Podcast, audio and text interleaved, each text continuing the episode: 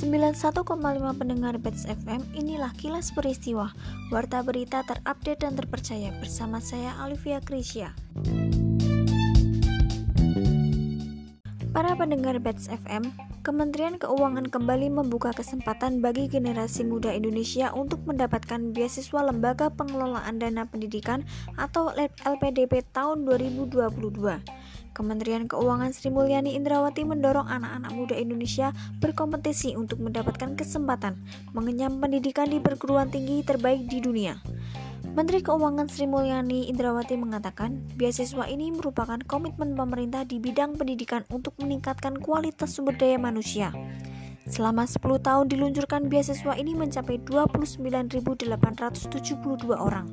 Jumlah itu masih sangatlah sedikit karenanya Menteri Keuangan mendorong anak-anak muda Indonesia untuk meraih mimpi dan cita-cita mencapai pendidikan tinggi.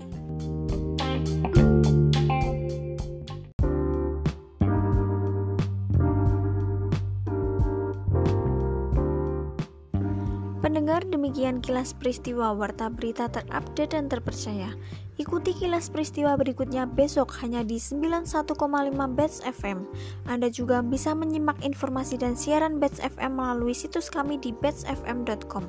Saya Alivia Krisya pamit undur diri dan selamat malam.